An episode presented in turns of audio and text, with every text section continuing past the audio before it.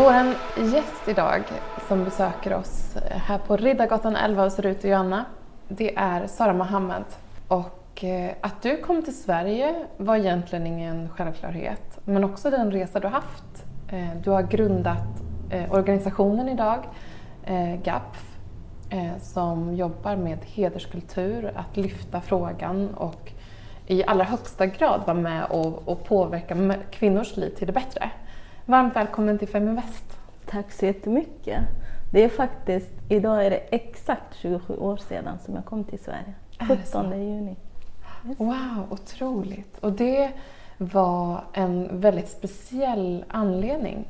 Eh, jag tänker, vi tar ofta för givet om man är uppväxt i en trygg miljö att man har en familj som är nära en och eh, uppmuntrar en att ta de besluten som man landar i. Eh, men för dig så var den starten lite annorlunda. Kan du inte dela med dig lite om din uppväxt och, och var du kom ifrån? Mm. Jag är en kurdisk svensk kvinna, brukar jag kalla mig. Gårdagens eh, offer, men dagens kämpe. Eh, jag växte upp i södra Kurdistan, eller Irak, i en ganska rik ganska traditionell men ganska religiös också familj. Växte upp med flera syskon. Eh, könsdiskriminering rådde dagligen av min egen mamma och min omgivning. Jag blev könsstympad när jag var sex år. Jag eh, tvingades till att bära hijab som jag inte ville när jag var åtta, nio år. Eh, jag har sett ett stort kalasjnikov här riktat mot mitt huvud. Av din bror? Av min egen bror. En kalasjnikov riktad mot ditt huvud. Vad... Eh, för det första, hur kom det sig att du så aktivt hade liksom annorlunda tankar tror du om att du inte ville bära den här hijaben? Och vad var det, vad var det i, i dig? Var kommer det där drivet ifrån? Mm. De första reaktionerna började när jag såg att mina bröder skojade, skrattade. Jag blev hela tiden tillsagt att jag är flicka, jag får inte skrika, jag får inte skratta, jag får inte. Det var många begränsningar just med tydligt instruktion att jag är flicka och därför har jag inte de möjligheterna. Eh, jag ska inte ha höga drömmar till exempel. Eh, och att min familj var de som skulle bestämma över min framtid och mitt liv idag. Mm. Hur reagerade du, du när du hade det här vapnet mot ditt huvud? Då hade jag kämpat länge inne i familjen mot de orättvisor. Men det blev ju sista droppen eh, den kvällen som min bror kom hem och försökte förklara för pappa att han har hittat en lämplig man som skulle gifta bort mig till den mannen och han skulle själv gifta sig med hans syster. Så det var, vi var i varuhandel. Eh, att det skulle bli utbyte. Det kallas för jönbejen på kurdiska. Eh, hur reagerade jag?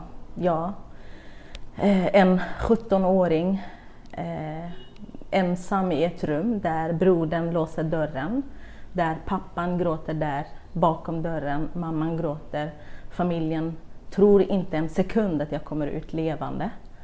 Eh, när han ställer en enda fråga och säger att jag kräver ett enda svar. Ja eller nej, inget annat. Annars kommer jag trycka på knappen och döda dig. Mm. Att mörda dig är lika lätt som att dricka ett glas vatten, sa han till mig. Självklart, två första gångerna sa jag nej. Han slog mig, jag ramlade på marken. Han plockade upp mig och sa att tredje gången är giltig. De sekunderna kom jag på att jag ska begå självmord och inte tillåta honom bli mördad av hans smutsiga kulor, tänkte jag. Så det var inte planer på att rymma eller något sånt just där och då. Men tack och lov, det ordet ja, tredje gången, gav mig mer tid för att kunna tänka annorlunda och mm. våga rymma hemifrån dagen efter. Mm. Så jag rymde hemifrån. Hur tar man sig därifrån? Jag är oerhört berörd av, av den här berättelsen. Mm.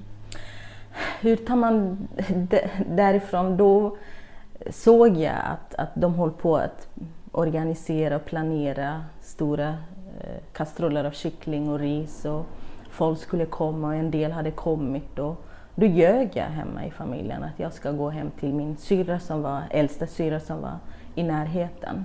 Så då fick jag, det var ju en av de få familjer som jag fick gå själv. Så då gick jag och eh, lånade en burka av en granne som jag hatade också. Men den hade ju det, det syftet att jag skulle osynliggöra mig för min bror. Om han skulle se mig på gatan skulle han inte tvinga en sekund att trycka på knappen. Mm.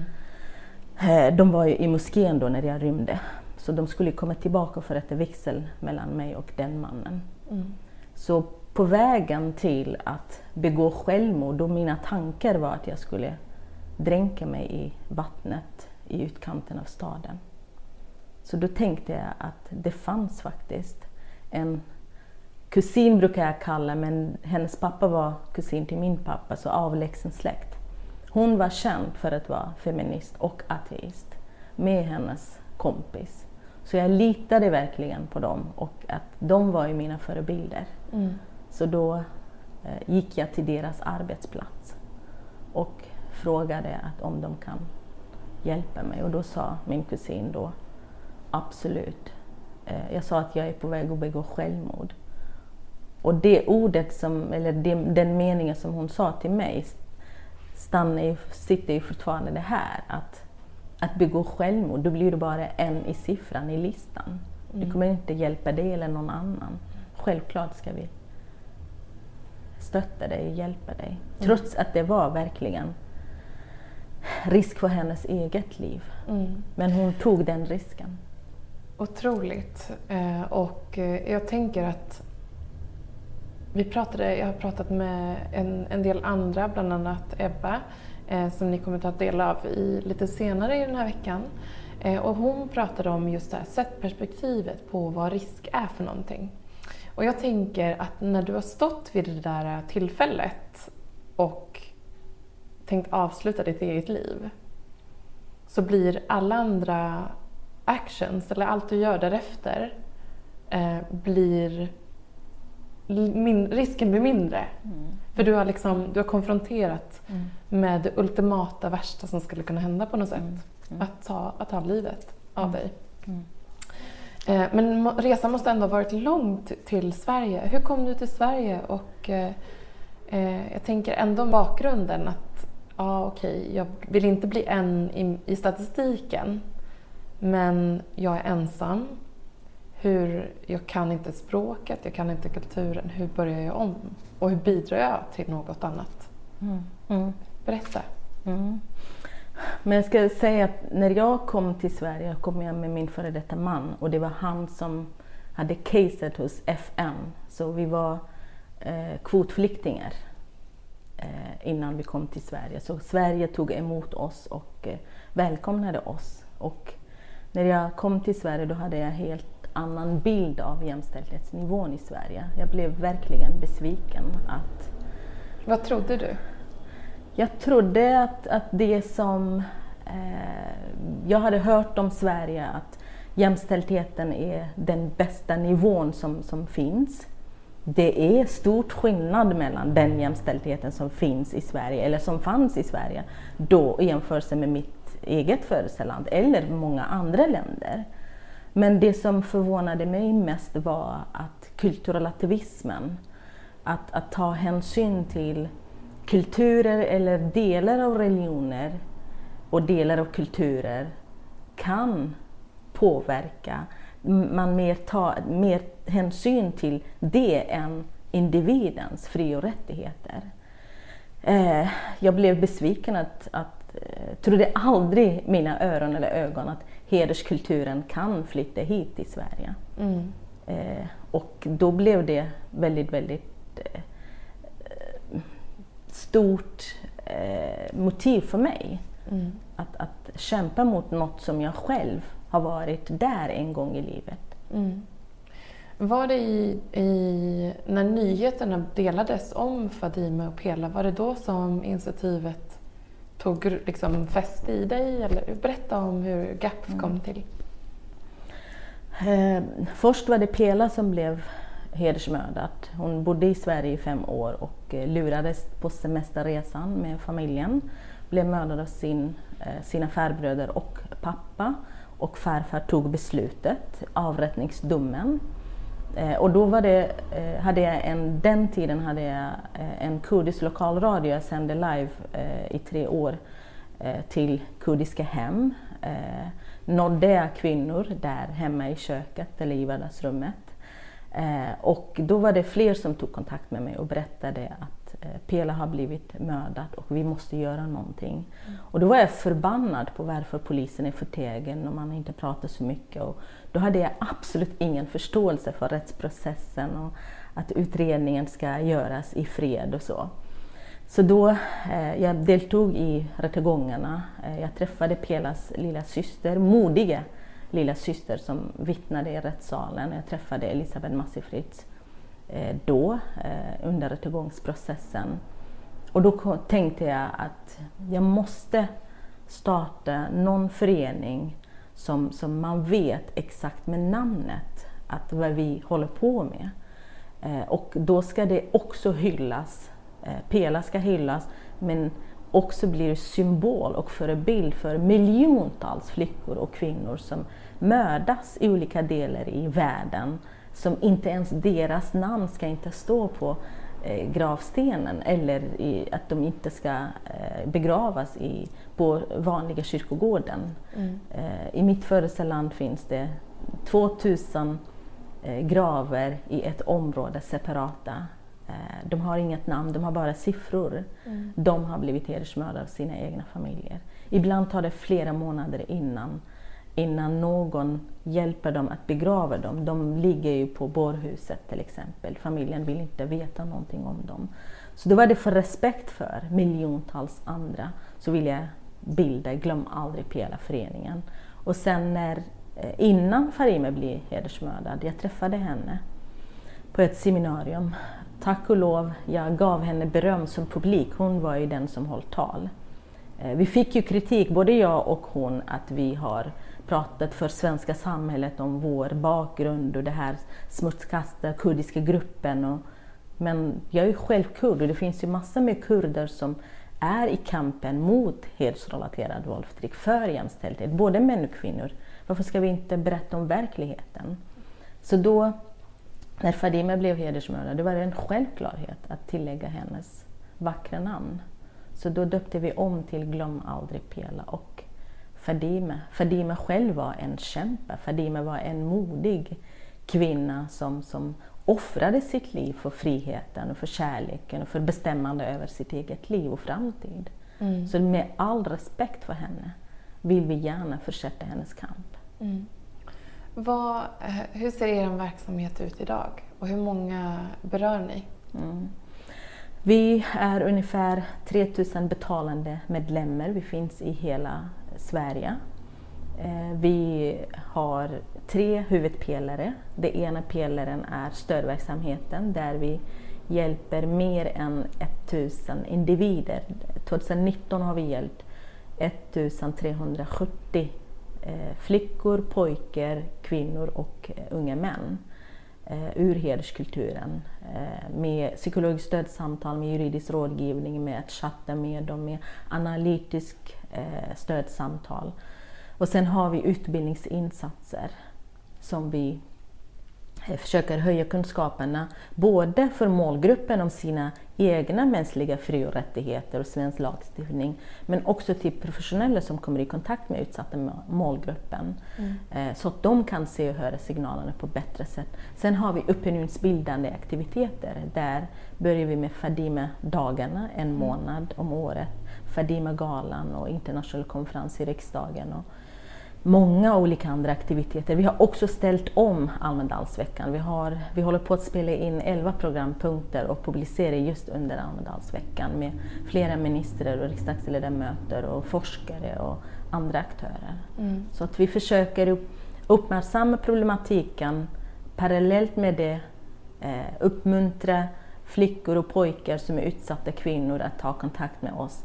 Men också sätta krav på politiker och eh, ansvariga myndigheter. Mm. Har du någon kontakt med din familj idag? Absolut. Mm.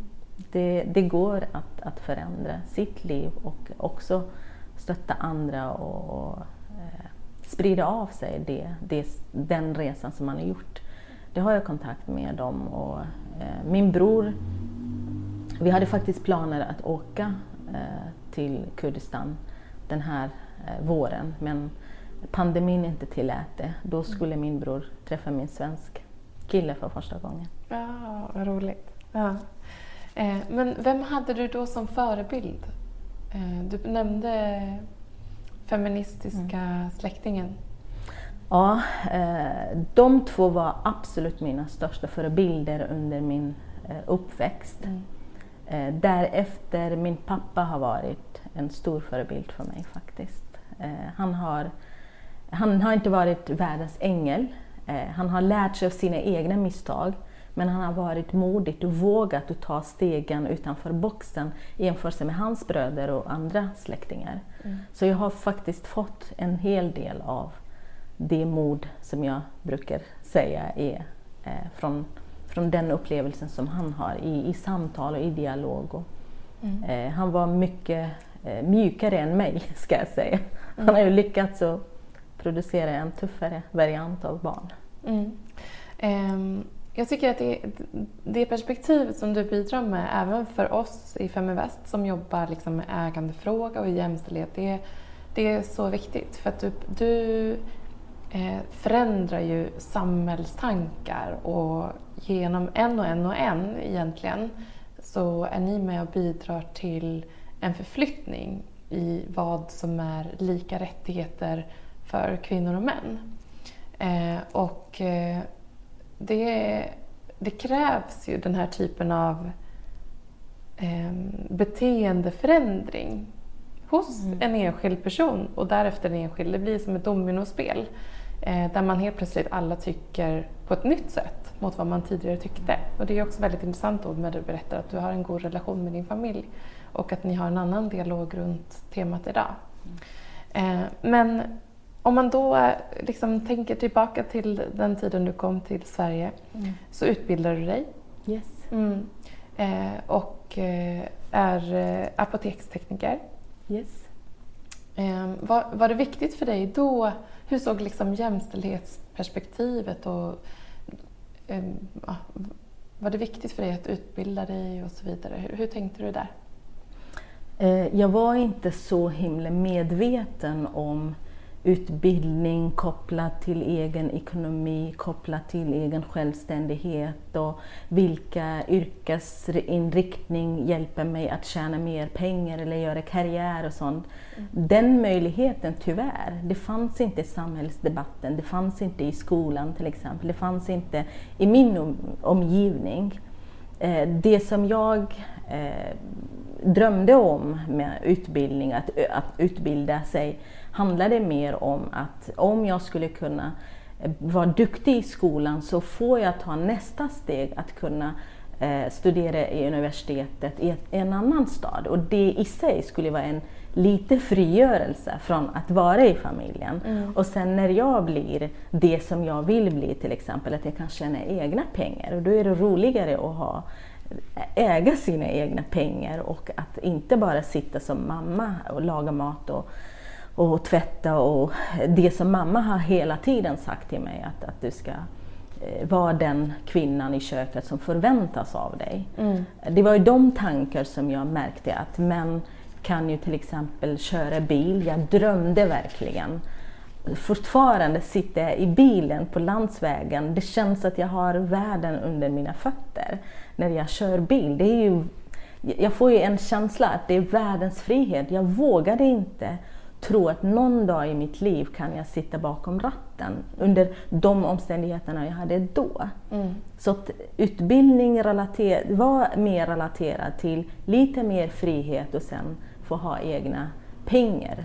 För att helheten, omständigheter där, det var inte så mycket bred. För mm. att drömma högre. Eh, en av mina drömmar var att skulle bli skådespelerska till exempel. Då tänkte jag att om jag blir skådespelerska då får jag använda mina kreativa förmågor som, som jag verkligen ville och var väldigt, väldigt tröttsamt under sommaren. Det var ju som att hamna i fängelse igen när skolan var stängd under sommaren till mm. exempel. Att jag skulle kunna eh, samarbeta med, med killar och med män och att stå, kunna stå på scen. Och jag var inte duktig på att stå på scen. Jag har ju tränat det.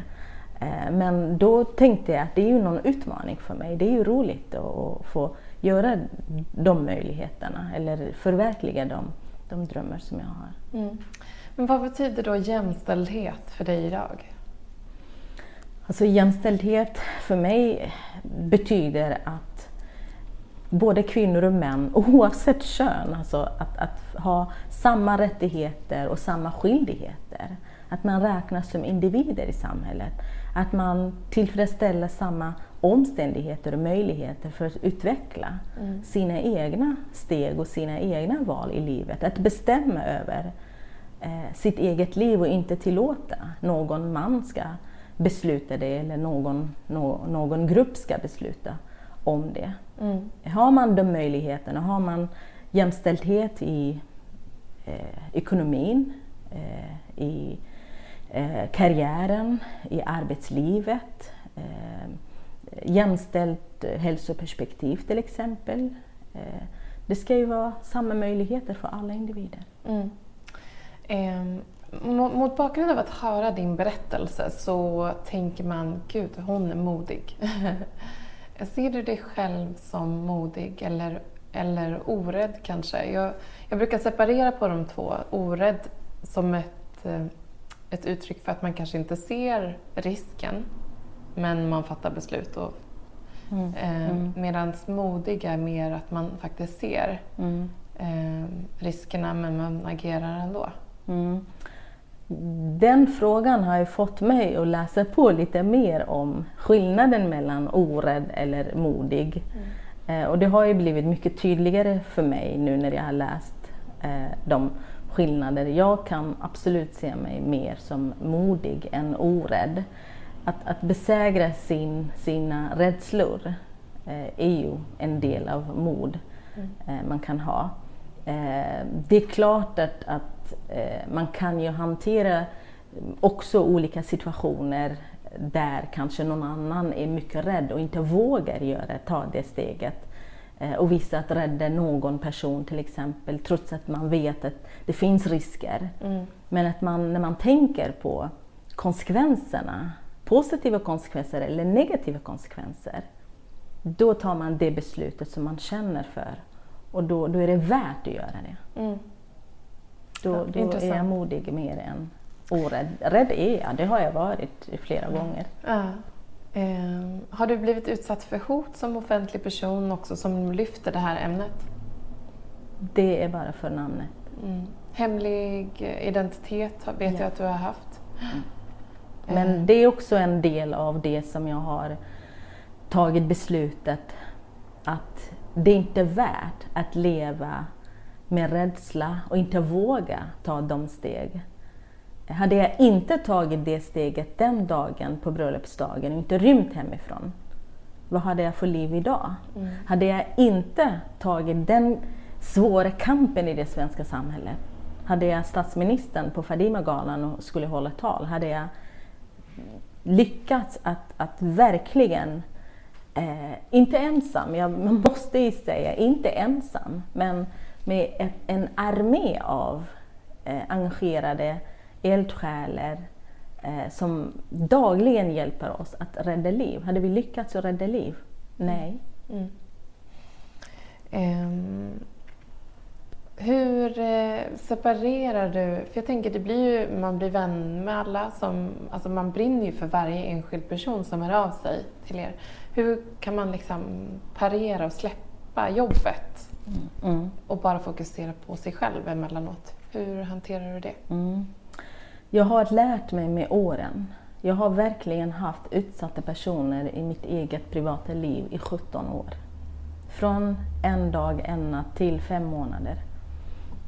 Mina barn har ju växt upp med att stötta utsatta, att både ge och ta kärlek från utsatta, att sörja med utsatta när de har mått dåligt, när vi har verkligen hjälpt dem med, med bilen, privata bilen och inte barnen, barnen har inte varit med, men att, att kunna få flytta på dem av rädslan för att de blir mördade. Mm.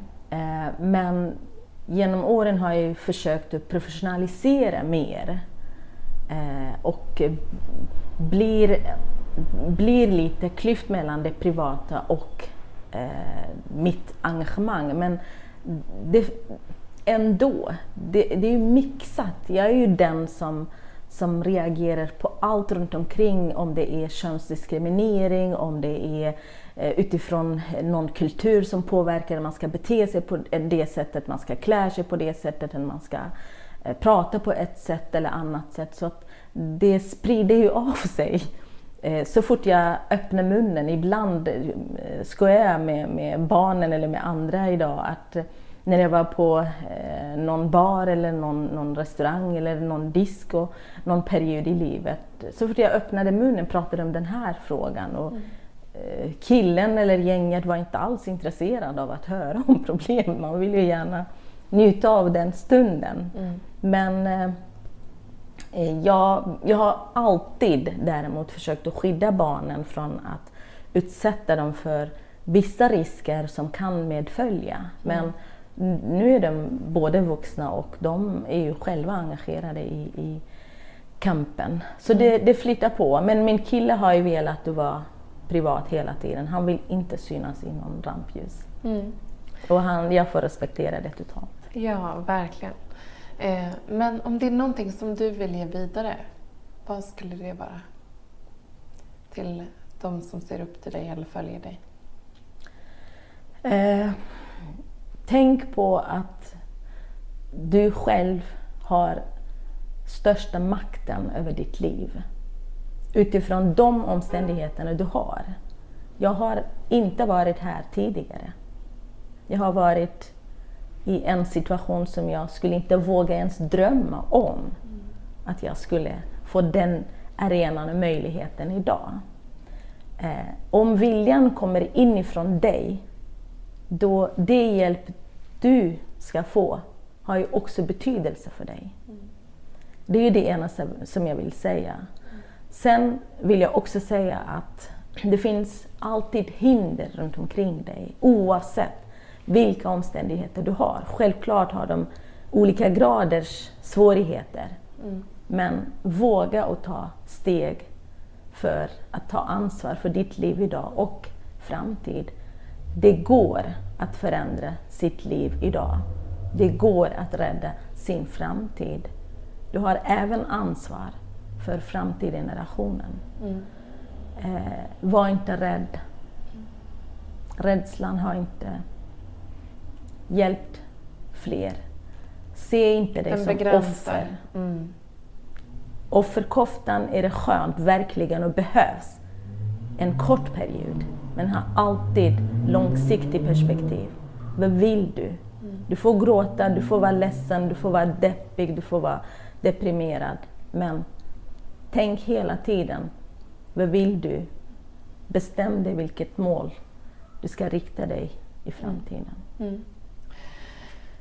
För kvinnor som kommer som kanske har liksom en, en annan tro som uppfattning eller tankar och som ändå vill skapa sig, bygga någonting eget så kan det vara svårt med finansiering på grund av räntor och ibland är det andra saker också som, som kan vara kopplat till en kultur när man kommer hit.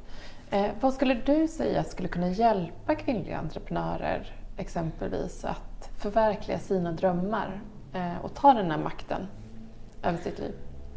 Alltså, där vill jag säga att räntan är, gäller ju både män och kvinnor. Att eh, religionen begränsar och det handlar ju mer om islam. Mm.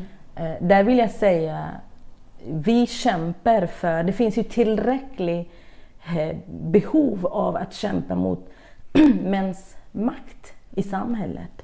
Låt inte gudarna också bli plus lite till för dig. Mm. Lyssna inte på religiösa urgamla texter som har skrivits för tusentals år sedan. ta de beslut som du känner för. Mm.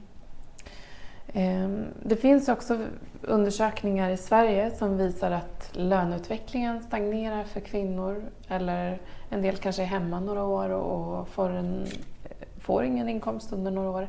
Vad tänker du om det? Tänker du att det liksom liknande krävs reformer för att skapa mer jämställda förutsättningar för kvinnor och män? Den frågan är väldigt bred.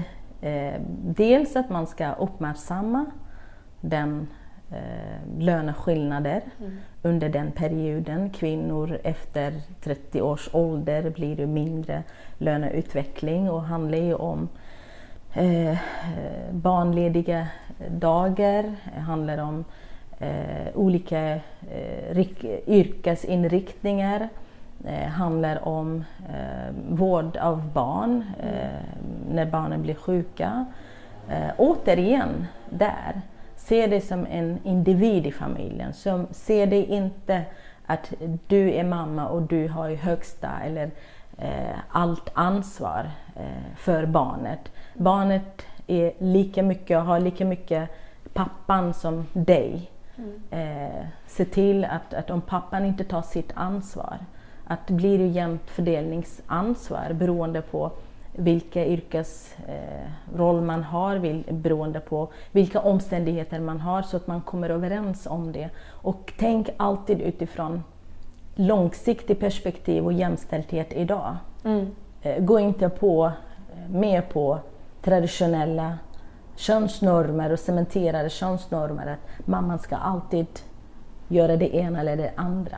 Mm. Eh, om du skulle få säga någonting till dig själv eh, som 17-åring kanske, i och med att var då som du var med om det här eh, otroligt dramatiska. Eh, vad skulle du säga till dig då, idag? Jag skulle säga till min 17-åring, eh, våga eh, ställa öppna frågor till dina familjemedlemmar, till mm. din bror som eh, ville verkligen själv vara fri och göra vad som helst men eh, accepterade eller, som, eller köpte det mansrollen och hans kontroll, eh, roll att kontrollera mig som, som sin syster. Våga vara kär, våga leva livet, våga drömma. Mm. Eh, du har ju haft eh, en, en annorlunda karriär, kan man säga, två karriärer kanske, eh, med både inom medicin eller inom apotekaryrket men också nu i den rollen du har idag. Vad är dina bästa råd för den som vill och brinner för det man vill jobba med? först känn efter, vad, vad vill du? Mm. Påverkas inte av vad omgivningen förväntar sig av dig. Eh, och därefter, tro inte att, att det, det går lätt, att du kan gå upp i karriären eller du kan lyckas med någonting utan hinder. Räkna alltid med hinder, men bli inte rädd av dem. Våga och ta de stegen.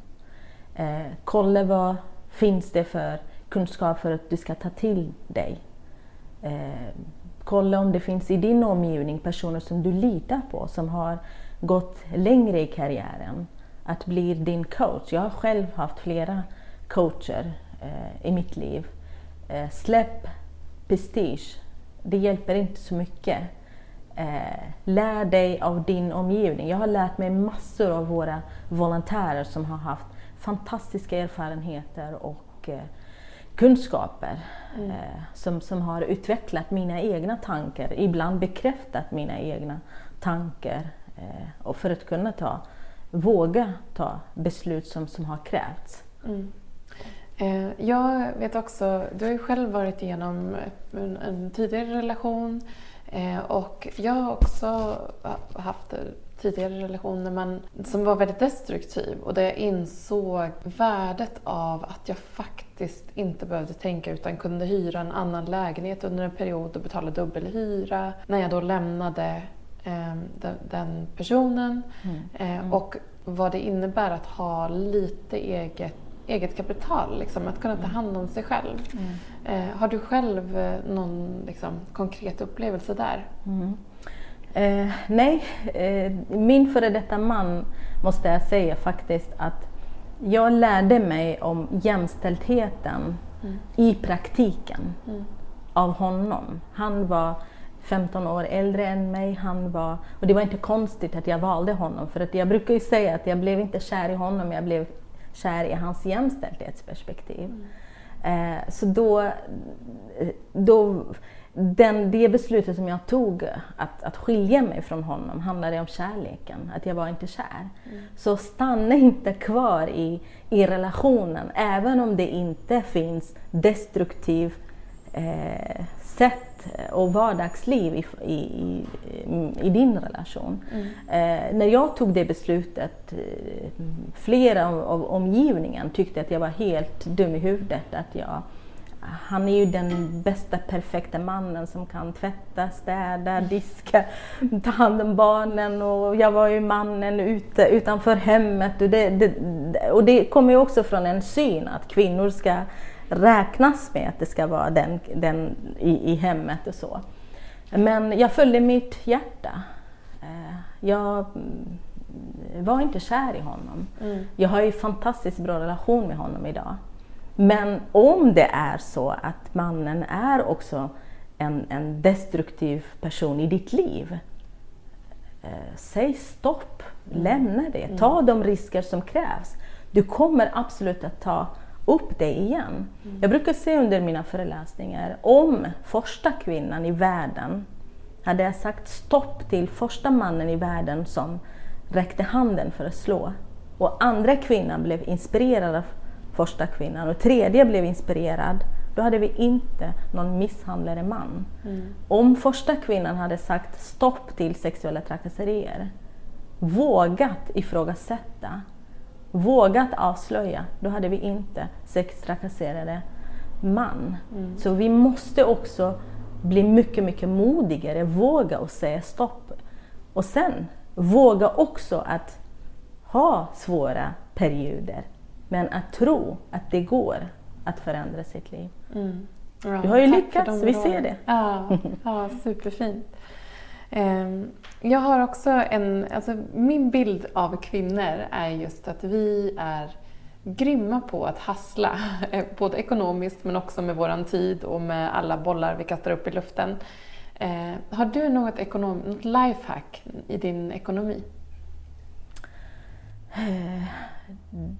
Det är kanske lite svårt. Jag, jag kan ju säga så här att jag är inte den som eh, köper dagligen kläder till exempel. Eh, jag tänker att jag kan köpa när det finns eh, outlet till exempel. Eh, det är en av dem. Jag brukar också hitta bra, eh, bra saker som är värdefulla i sig eh, på, på loppmarknad till exempel. Man kan inte tro att, att jag går runt på lopp, loppmarknader men eh, i mitt födelseland, det var väldigt tabubelagt om man var rik skulle gå till loppmarknader. Men här är det också miljöperspektivet. Eh, brukar jag också hitta saker och ting som jag tycker om och eh, då köper jag där än att tänka bara att betala massa pengar för något som jag kan hitta där bättre. Mm. Eh, ja, kanske de två. Mm. Du Sara, tack för att du kom och delade din berättelse. Eh, Och eh, ingen kommer undan utan att bli oerhört berörd eh, av ditt mod och den urkraft som du har. Eh, Och jag hoppas att det har inspirerat många av er där hemma också. Tack så Eh, mycket. Imorgon så kommer det en ny, ett nytt porträtt klockan 11 som ni kan ta del av via vår Youtube-kanal. Tack Sara! Tusen tack att jag fick möjligheten att vara hos er.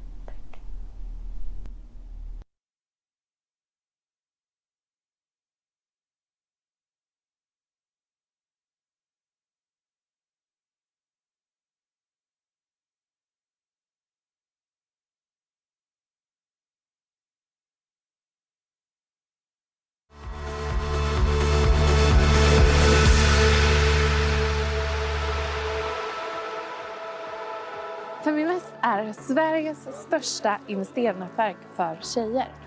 Vi vill att allt fler ska våga äga och förvalta. Och hur gör vi då detta? Jo, vi vill inspirera, utbilda och utmana runt ägande, investeringar och entreprenörskap. Följ Feminvest på våra kanaler Facebook, Instagram, Youtube. Varje vecka så kommer vi även ut med en podd och du kan ju självklart även följa nyheterna som publiceras på feminvest.nu. Det är bara att söka på Feminvest på samtliga kanaler så hittar du till oss.